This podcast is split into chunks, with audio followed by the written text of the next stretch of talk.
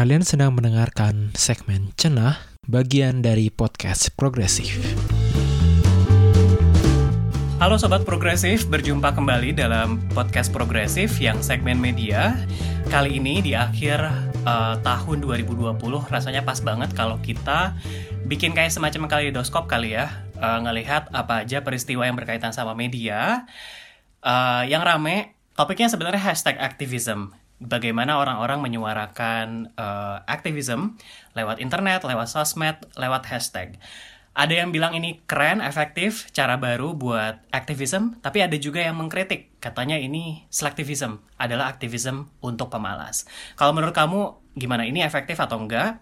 Nah, sekarang kita bakal diskusi sama Mbak Nita Rosita yang adalah dulu jurnalis, sekarang berkecimpung di pergerakan sosial. Halo Mbak Nita. Halo Rio. Halo teman-teman. Apa kabar?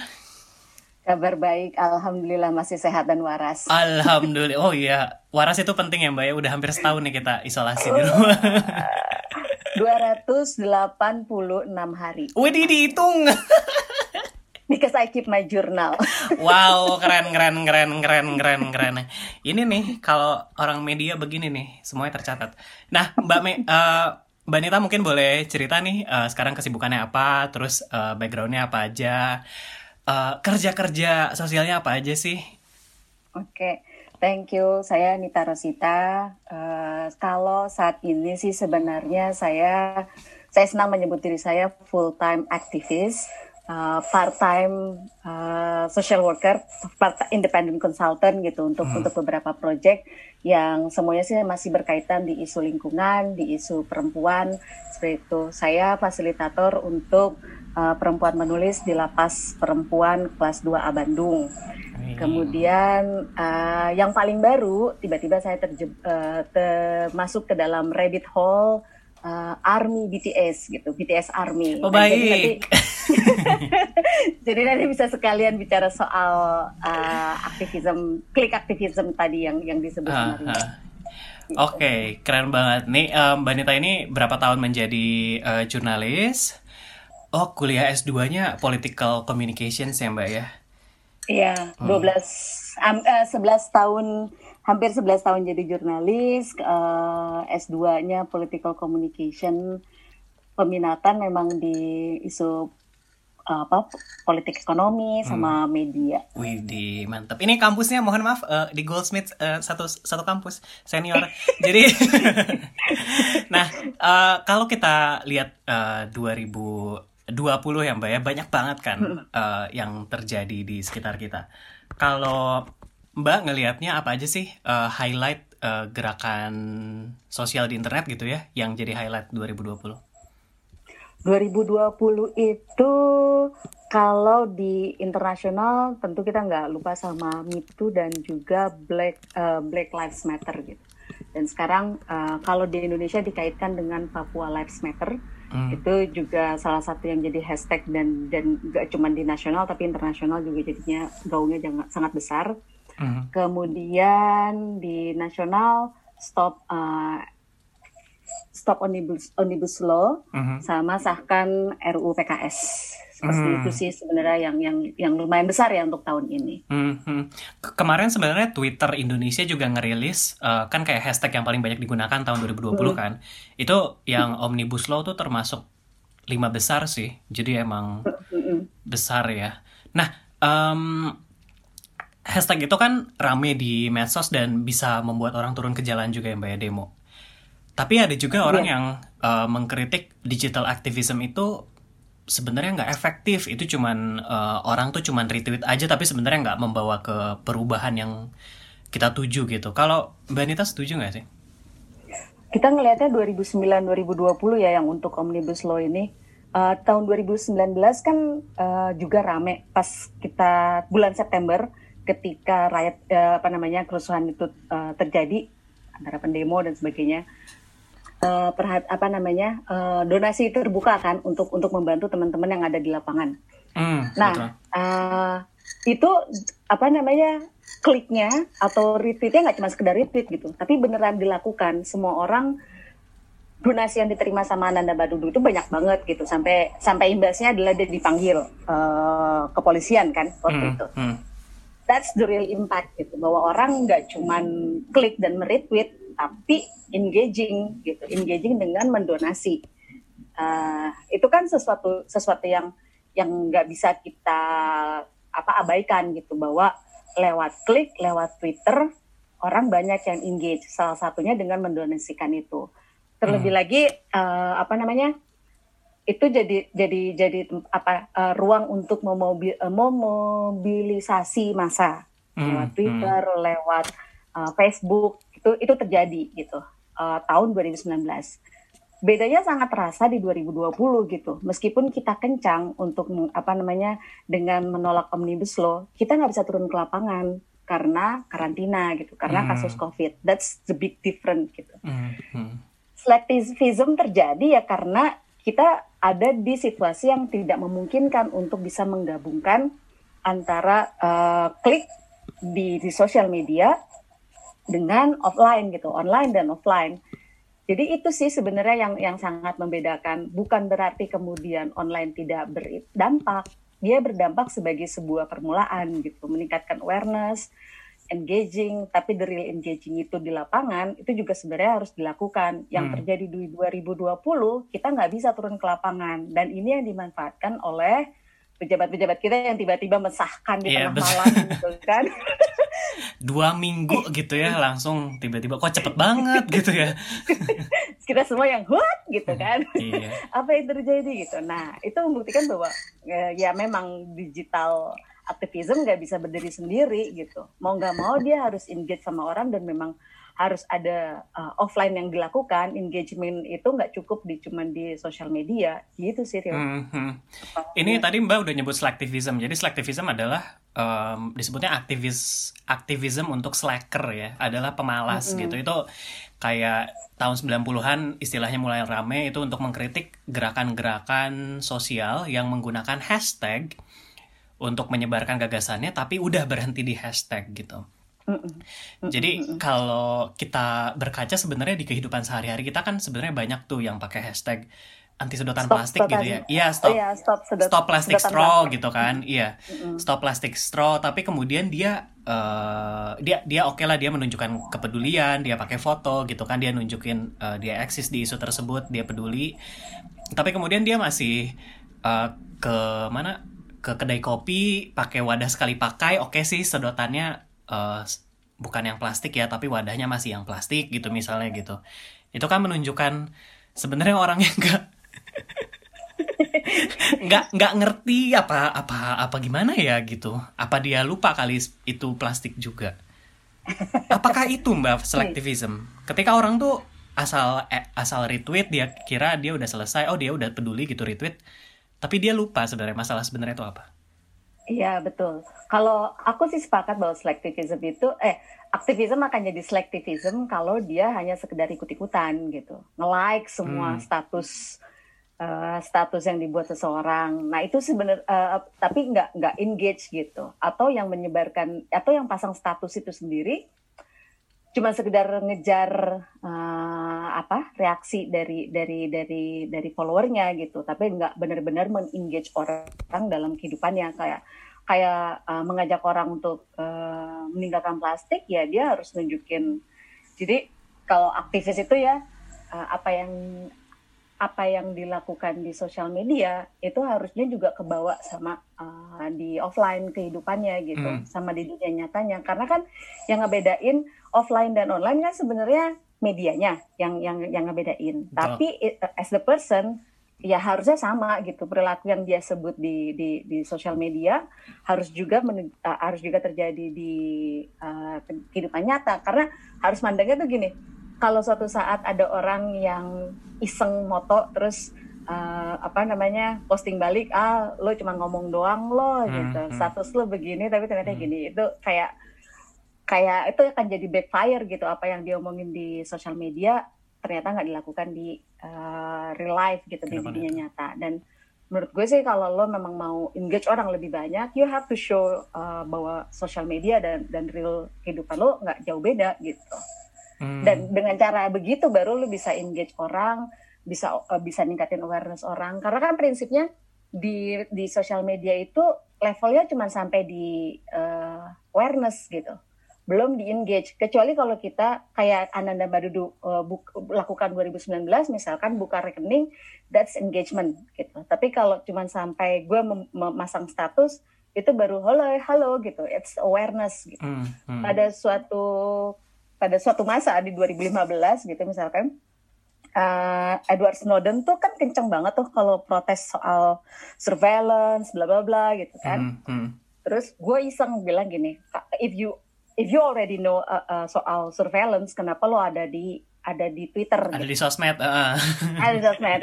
Dan dia jawab dong gitu. Dia menjawab terus dia bilang to deliver the message. So memang sampai situ doang gitu. Kalau lo ada di sosial media, you, yeah. you deliver the message. Ap apakah ini yang jadi uh, batasan digital activism, Mbak, dibandingkan gerakan offline? Jadi dia cuman bisa tahap awareness aja gitu. Iya, Belum bisa in, lebih lanjut. Uh, in general iya, untuk untuk awareness doang gitu. Mobilisasi massa bisa, tapi kan kelemahannya di sosial media itu adalah echo chamber ya, bahwa kita cuma berteriak di ruangan sendiri gitu. Hmm. Sama kayak kayak uh, di bubble kita ada di gelembungnya sendiri masing-masing gitu bahwa kita ketika kita pro sama A ya teman kita di timeline semuanya di feednya ya orang-orang yang pro sama sama isu A gitu betul, kan betul. terus kita lupa lupa sama hmm. sama teman-teman yang A B C D gitu pilihannya hmm, hmm. nah jadi uh, pertama kita mesti pahamin dulu sifat dari sosial media terus yang kedua uh, lo mau sejauh apa sih gitu mengengage orang meningkatkan awareness orang gitu karena gue barusan ngecek uh, sahkan RUU PKS dari dari permintaan dari target 500 tanda tangan 500 ribu tanda tangan sampai sekarang masih dua sampai masih sekarang masih tiga ribuan gitu eh 341 ribu dari target kita 500 ribu gitu hmm, hmm, hmm. itu kan harus harus dievaluasi what is wrong gitu kenapa kita nggak bisa sampai target itu gitu hmm. apa kurang kenceng ngajakin orangnya atau yang yang yang tanda tangan itu sebenarnya teman-teman kita sendiri gitu kan hmm, that's hmm. yang selalu masalah sama jangankan main di sosial media yang algoritmanya membuat kita uh, berada dalam dalam dalam echo chamber gitu. Di offline aja kita sering kali uh, cuman bergerak di kawan-kawan sendiri gitu. Kita lupa untuk untuk untuk mengajak engaging orang di di di di luar gelembung kita gitu sih. Hmm, hmm, hmm. Kita uh, nge-retweet gitu ya pakai hashtag teman-teman kita nge-retweet pakai hashtag yang sama. Oh kita ber, kita mengira dunia sudah berubah gitu begitu cepat. Ternyata belum. Oh, oh. Tidak semudah itu Ferguson. Tidak semudah itu. Tidak semudah itu.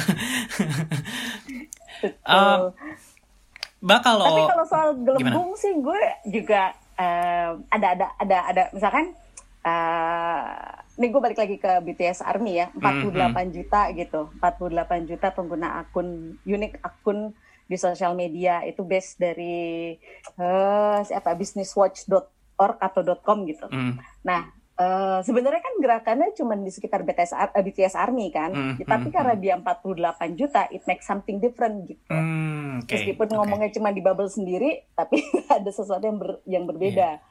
Iya. dan levelnya bukan di tingkat awareness tapi sudah engaging karena ngajakin orang untuk donasi yuk gitu jadi Betul. kayak waktu di Black Lives Matter itu kan mereka di dunia um, bisa ngumpulin satu juta dolar gitu satu level Betul. yang sama dengan hmm. BTS-nya sendiri gitu untuk yeah. nyumbang di gerakan uh, Black Lives Matter hmm. terus uh, apakah itu berdampak Nah itu yang mesti diukur sih dampaknya mau mau, mau sejauh mana sebenarnya targetnya gitu. Hmm, Kalau hmm. sekedar memberikan uh, apa donasi untuk pergerakan, ya mereka kemudian menyalurkannya ke, berbagai, ke berbagai organisasi yang yang gerakannya di Black Lives Matter. Tapi yang paling kemudian kelihatan dampaknya adalah ketika BTS Army membeli uh, hampir seluruh kursi kampanyenya Donald Trump gitu. Terus Dan tidak datang. Mereka, nah ya, itu. Baik. That's a huge impact gitu kan. Ya, ya, ya, ya, ya, ya. Eh, ini di Indonesia sebenarnya BTS Army juga pernah donasi kemarin tuh ke waktu ulang tahun salah satu personelnya kalau nggak salah Jungkook ya um, mm -mm. September gitu dan mereka ngumpulin donasi dan nyumbang ke organisasi perempuan, advokasi perempuan LBH Apik gitu buat uh, rumah aman selama pandemi. Jadi emang ada uh, beberapa gerakan di medsos yang bisa sampai engagement tapi memang tadi kata Mbak Nita itu nggak semua ya. Banyak juga yang terjebak di ya udah hashtag aja retweet aja selesai gitu. Gimana dong Mbak supaya kita nggak um, apa ya nggak nggak terjebak? uh -uh. sebenarnya it works both ways sih sebenarnya. Kalau kita pengguna uh, pertama kalau kita cuma pengguna sosial media gitu dan merasa perlu untuk untuk untuk menunjukkan aktivisme kita ya uh, lo harus banyak banyak cari tahu sih gitu kan. Jadi kayak kayak misalkan uh, cara yang paling mudah untuk mengukur apakah orang itu paham dengan apa yang kita lakukan atau apa yang kita suarakan ya engage mereka dalam bentuk yang paling sederhana donasi gitu. Kalau mereka kemudian ribut mempertanyakan uh, auditnya gimana transparansinya gimana that's engagement gitu. That's hmm, engagement. Jadi okay, okay, itu okay itu itu itu kita kayak kayak lagi main aja sih lu mau ngukur sejauh mana sih sebenarnya orang peduli sama sama hmm. sama cek ombak cek ombak cek ombak betul hmm. nah waktu waktu itu itu kita lakukan waktu di eh, kami lakukan di kelas menulis perempuan kan hmm. waktu itu uh, secara iseng aja sebenarnya bahwa uh, punya uh, apa namanya pasang status terus aku tanya ada yang punya make up uh, yang nggak cocok di muka kah? Atau yang masih ada nggak kepake lagi tapi masih jauh uh, expired date-nya? Hmm. boleh dong uh, dikasih ke kawan-kawan lapas uh, perempuan gitu. Karena mereka butuh makeup untuk performing untuk latihan jadi makeup artist dan sebagainya. Dan rumah gue tuh udah kayak udah kayak gudang. Tiba-tiba banyak sekali orang kirim kirim uh, make up gitu but that's real engagement gitu. Karena akhirnya hmm. gue merasa sebagai aktivisnya kan gitu kan hmm. gue merasa hmm. gue perlu terus menerus menginformasikan bahwa oh iya makeupnya sudah diberikan sudah sudah digunakan ina inu dan ini kayak gitu. Dan that's engagement dan terus menerus gitu. Ketika gue kosong nggak ada berita uh, mereka yang kemudian pernah mengirimkan makeup mereka tanya eh gimana kabarnya? gitu. Masih jalan apa enggak that's the real engagement gitu. Itu baru Betul. baru baru kelihatan bahwa uh, apa yang lo lakukan di sosial media it happens in real life gitu mm -hmm. dan dan punya impact. Sama ketika uh, apa namanya sumbangan buku tiba-tiba juga banyak gitu. Kamar gue juga udah penuh lagi buku dan makeup sebenarnya. Jadi mm. orang memberikan itu. Dan uh, sebagai aktivisnya gue merasa punya tanggung jawab untuk terus konsisten memberikan informasi yang sama gitu. Jadi kita juga nggak bisa uh, apa namanya kalau lo aktivis lo pengen orang peduli sama kegiatan lo tapi kalau lu cuma sekali doang memasang status atau mengajak orang ya ya salam gitu karena sosial media itu kan cepat banget kalau lo nggak konsisten ngajak orang ya it's impossible gitu untuk untuk untuk untuk apa namanya engage orang dan peduli pada gerakan lo gitu hmm, hmm. orang udah lewat juga ya orang udah lupa ya secepat itu iya. di media sosial gitu Twitter apalagi kan? Gue hmm. udah jarang buka Twitter sih isinya Twitter mulu capek. Setuju setuju setuju setuju. Uh, Mbak tadi sempat ceritakan itu menggunakan medsos untuk uh, berhasil engage orang gitu. Ada contoh-contoh lain nggak Mbak? Di mana Mbak menggunakan digital media hashtag gitu untuk membawa yang disebut real change? Hmm kalau uh, eh, 2019 juga yang waktu masih masih yang kita gerakan di tolak omnibus law itu kan pasca teman-teman ditangkap uh, di di apa namanya di Polda yang semua hampir berapa ratus orang ditangkap bersamaan gitu. Itu kan awalnya uh, pembicaraan di di di di kami perempuan di apa kelompok ekosister di WhatsApp grup gitu kan.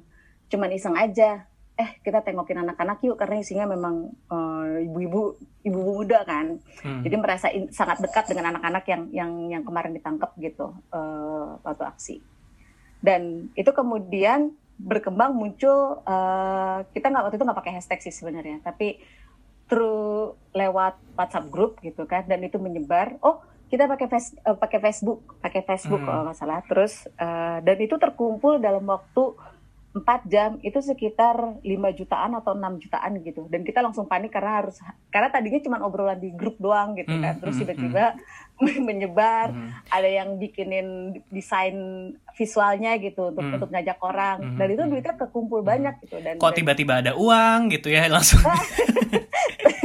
Temen gue langsung panik. Wah gue penuh gitu kan di ATM nah itu gitu. Itu uh, buat gue sih nggak uh, ada nggak ada buruknya be be bekerja di sosial media meskipun kita sekarang terkarantina mm. gitu ter terkukung gara-gara covid mm -hmm. it still works somehow gitu kan mm -hmm. dan dan dan kalau tadi misalkan ya lu sambil rebahan memang memang bisa bikin perubahan lewat jempol lu tapi sejauh mana kemudian lu mau uh, digin uh, ter tercebur di rabbit hole itu gitu mau benar-benar hmm. peduli uh, pada pada aktivitas itu hmm. gitu. ngasih komitmen dan apa uh, tenaga fokus atau uang hmm. apa pun untuk uh, apa the issue that you believe in gitu ya mbak iya betul hmm. Hmm. Gitu.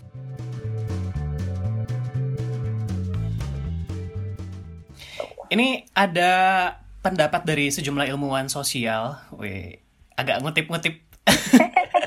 ada sosiolog. Anak emang beda. Oh iya, kalau lagi sekolah gini nih, uh, lagi bikin esai soalnya jadi inget. Jadi ada sosiolog Turki, um, Zeynep Tufekci kan bilang bahwa gerakan di internet itu mudah banget dibentuk, tapi susah di maintain and win, susah dipertahankan dan dimenangkan gitu. Um, terus ada profesor jurnalisme juga di Amerika, uh, Diraj Murti yang bilang bahwa uh, media sosial itu bukan satu-satunya yang kayak berhasil menciptakan perubahan gitu. Waktu itu dia contohnya Arab Spring gitu. Jadi media sosial tuh ada ditempatkan dalam konstelasi yang lebih luas. Ada sistem politiknya, ada sistem medianya, dan bagaimana ini semuanya sebenarnya bekerja gitu. Uh, Banita setuju nggak bahwa si medsos ini jangan dianggap sebagai satu-satunya pam pamungkas gitu. Iya betul. Dia cuma satu alat doang kok gitu. You have to know where the power lies kalau kata Natalie Fenton. Oh siapa Natalie Fenton? Ini adalah dosen di Goldsmiths. Goldsmith, dosen kesayangan aku. Jadi uh, apa pun gerakanmu gitu, lo harus tahu dulu yang punya kekuasaan tuh siapa, terus apa yang bisa dilakukan aktivis aktivisme itu kan uh, kata dasarnya advokat kan jadi lo nggak bisa cuma hmm. hore-hore doang gitu woi kita kumpul kita mau misukan anu pasang hashtag foto bareng ya kayak gitu gitu hmm. that's itu mah receh banget gitu hmm. bukan hmm. bukan sesuatu yang akan mengubah uh, mengubah akan membawa perubahan dan dan punya dampak yang lebih sustain gitu kan itu nggak bisa dilakukan hanya dengan satu satu kali pertemuan satu kali event itu akhirnya jadinya seremonial doang gitu hmm, hmm. tapi kalau lo mau membuat sebuah perubahan lo emang harus tahu kekuasaan itu kekuasaan untuk mengubah itu adanya di mana gitu powernya itu ada di mana dan hmm. di situ yang bisa lo kejar hmm. jadi uh, sosial media seperti tadi yang dibilang bahwa ya cuma satu tools aja tapi bukan satu-satunya tools gitu hmm. dia hanya bisa jadi untuk uh, ya tadi fungsinya me me membuat awareness aja sampai di situ hmm. levelnya kecuali if you want to kalau mau engage ya harus mengubah strateginya gitu bagaimana hmm. menggunakan bahasanya bagaimana mengajak orang untuk engage plus uh, soal tadi konsistensi untuk untuk menyampaikan informasi itu terus menerus karena nggak mungkin bisa mengubah atau men, uh, membuat orang aware dengan satu kali uh, informasi gitu. Betul. Hmm, Dan Uh, yang di Arab Spring ya 2011 2011 itu uh, mereka besar karena salah satunya salah satunya itu didukung sama informasi di Twitter kan kalau tidak salah. Betul. Terus hmm. kemudian uh, Hong Kong itu juga gerakannya uh, Joshua itu mm -hmm. juga lewat lewat lewat uh, sosial media gitu kan. Telegram akhirnya kalau nggak salah. Terus juga uh, mana lagi ya yang yang yang cukup besar gitu. Dan dan itu bukan itu yang yang menu, yang mungkin menjadi kritik adalah bahwa bahwa uh, kegiatan di sosial media itu akhirnya memang tidak terstruktur gitu. Sama kayak lagi-lagi gue harus mencontohkan misalkan BTS Army gitu kan mm. sekarang itu uh, tapi yang lebih gila sih karena sekarang meskipun mereka tidak punya home base mereka punya uh, website jadi uh, oneinarmy.org gitu mm. it's like mm. an NGO gitu kan jadinya mm. 48 juta akun itu kemudian merujuknya ke sana setiap aktivitas diinformasikan ke sana mm. laporan penggunaan dana gitu itu juga adanya di sana. Jadi mm uh, pengorganisasiannya tidak tidak seperti bayangan kita dalam struktur yayasan gitu Iya, itu gitu. kan aktivisme 30 tahun yang lalu mungkin ya, Mbak ya. Sekarang gerakan sosial lebih cair, uh, tidak terlalu hierarkis gitu kan, semua bisa. Betul, betul. Dan model-model model cara melihatnya juga jadinya tidak boleh konvensional gitu karena politik kan liquid banget gitu dan dan anak muda yang teknologi savvy ini lo harus ngikutin perkembangan yang mereka terus menerus gitu apalagi kalau yang memang mau mentargetkan anak muda sebagai penggeraknya gitu. Mantap mantap mantap mantap mantap. Terakhir Mbak ini barusan cocok banget sama kata si sosiolog Turki ini um, Zeynep Tufekci bahwa uh, media sosial itu memfasilitasi ngumpulin suara-suara itu, tapi dia tidak menggantikan proses konsolidasi politik atau musyawarah yang harus dilakukan secara panjang, berliku, dan juga makan tenaga di dunia nyata. Apalagi lobby-lobby ke DPR itu mau mau berapa juta retweet pun, tapi kalau partai politiknya tidak tidak punya kehendak politik ya ya udah hashtag sekedar hashtag ya mbak ya terutama Yoi. terutama kalau dikaitkan dengan omnibus law dan sahkan RUU PKS itu kan terlibat apa kelihatan banget. Itu butuh parpol main kan bukan cuma masalah hashtag kan tapi parpol betul. mau nggak gitu. Iya betul. Dan ini eh, nggak uh, usah bangga punya follower ratusan ribu, ribu orang gitu. Tapi if you don't if you cannot engage then it's nothing. Wih. Ini dia uh, penutup yang sangat bagus sekali menurut saya Mbak Nita buat diskusi kita hari ini.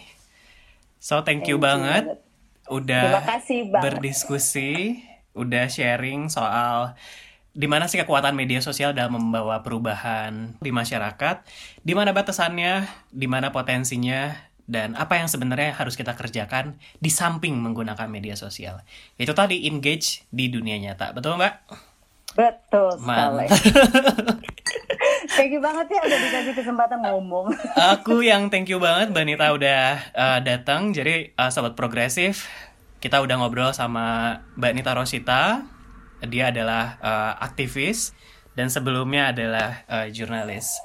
Uh, sekian dulu uh, episode kali ini. Makasih banyak sobat progresif yang udah mendengarkan sampai akhir. Nggak kerasa udah episode 17. Jadi kalau teman-teman punya ide, silahkan uh, mention ke saya boleh di Instagram atau Twitter di @rio tuasikal t u a s i k l boleh ngasih topik soal media, berita atau jurnalisme, media sosial juga boleh. Nanti kita cari uh, siapa nih teman ngobrol yang cocok buat ngebahas. Jadi gitu aja. Um, segmen media ini akan terbit setiap hari Kamis sore di Spotify dan sampai jumpa dua minggu lagi. Bye bye. Thank you Mbak Anita. Hai Sobat Progresif, selamat Natal buat teman-teman Kristiani yang merayakan. Semoga sukacita Natal menjadi damai dan terang bagi kita semua. Dan selamat tahun baru buat semua Sobat Progresif. Semoga tahun yang baru membawa harapan yang baru dan semoga semuanya menjadi lebih baik buat kita semua.